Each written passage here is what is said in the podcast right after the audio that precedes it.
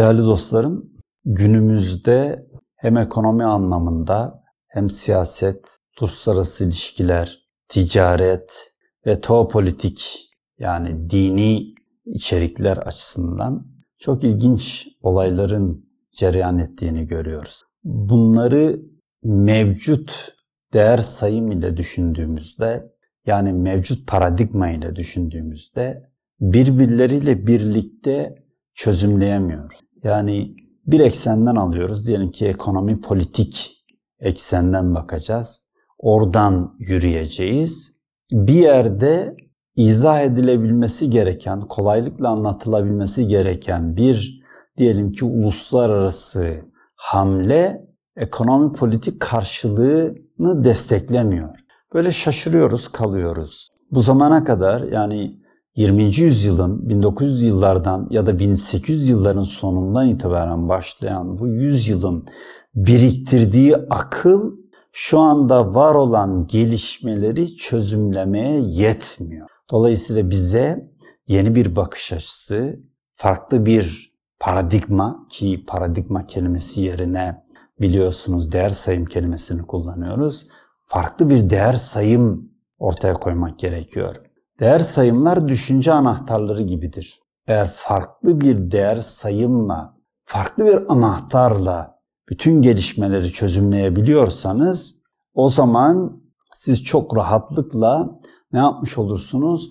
Bu zamana kadar nereye geldik ve bundan sonra bu olaylar nasıl cereyan eder, nasıl gelişir, nereye gider sorusunun cevabını da verebiliriz. Ki önemli olan budur. O halde yapmamız gereken öncelikle bizim mevcut dünya konjonktürünü yani nasıl bir dünyada yaşadığımızı anlamamız gerekiyor. Yani şu anda yaşadığımız dünya nasıl bir dünyadır?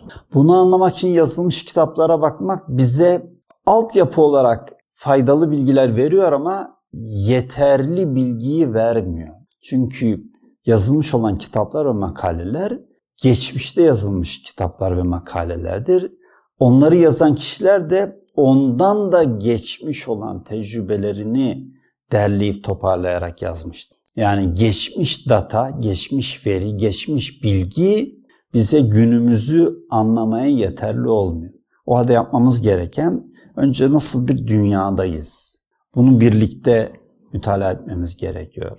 Sonra bu dünyada bütün olayları nasıl izah edebiliriz? Yani dünyanın nasıl olduğunu keşfettik. Şöyle bir dünyada yaşıyoruz. Yani diyelim ki algıların zirve yaptığı bir dünyada yaşıyor. Bakıyorsunuz eğitimde bile insanlar artık yüz yüze, diz dize eğitimin çok ötesinde uzaktan e, senkron ya da asenkron sanal eğitimlerle eğitiliyorlar. İnsanlar birbirlerinden uzaklaştırılıyor. Doğal olarak uzaklaştırılıyor. Peki bizim bütün bunları yorumlayabilmemiz için nasıl bir dünyada yaşıyoruz? Bunların ortaya konulduktan sonra insan olarak biz yaşadığımız dünyada nasıl pozisyon alabiliriz? Ya da nasıl pozisyon almalıyız? Yani insan kendi misyonunu tekrar düşünebilmesi gerekiyor. İnsan olarak yaşadığımız dünyada bize düşen vazife nedir? Yani bulunduğumuz konjonktürden, şerait diyorlar ya eskiler, şartlardan kendimize nasıl bir vazife çıkarabiliriz? Nasıl bir pozisyon alabiliriz? Nasıl konuşlanabiliriz? Bunu da ortaya koymamız gerekiyor. Ama bunu ortaya koyarken insanın bütün serencamını ortaya koymamız gerek. Yani bunu şöyle ifade edebilirim. İlk Adem'den son Adem'e kadar ilk yaratılan insandan son ölecek yok olacak insana kadar bu nasıl bir akış, nasıl bir mecra, nasıl bir hayat yaşanmıştır. Bunları da birbirine bağlayarak izah edebilmemiz gerekiyor. Yani e, insanoğlu yaratıldı, Cenab-ı Allah yarattı. Böyle bir zaman dilimi içerisindeyiz. Şöyle bir dünyadayız ve insanoğlunun geldiği nokta bu.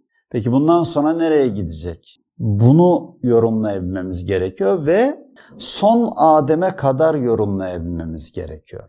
Yani bir ideolojiyi ya çakılı olarak yani bir ideolojik perspektiften baktığımızda o ideolojinin kurgusu son Adem'e kadar ulaşmıyor. O halde biz insan merkezli bir analiz yaparsak son Adem bu analizin içerisinde olmuş oluyor.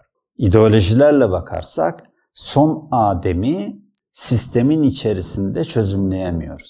Dolayısıyla ileride olabilecek olan olaylar ya da gelişmekte olan e, olayların niçin öyle geliştiğini izah edemeyiz. Şimdi ben sizlere uzunca bir bölüm olarak yani küçük küçük belki bölümler olarak ama uzun sürecek bir seri halinde ilk Adem'den son Adem'e kadar Adem'in serüveni nasıl gelişti?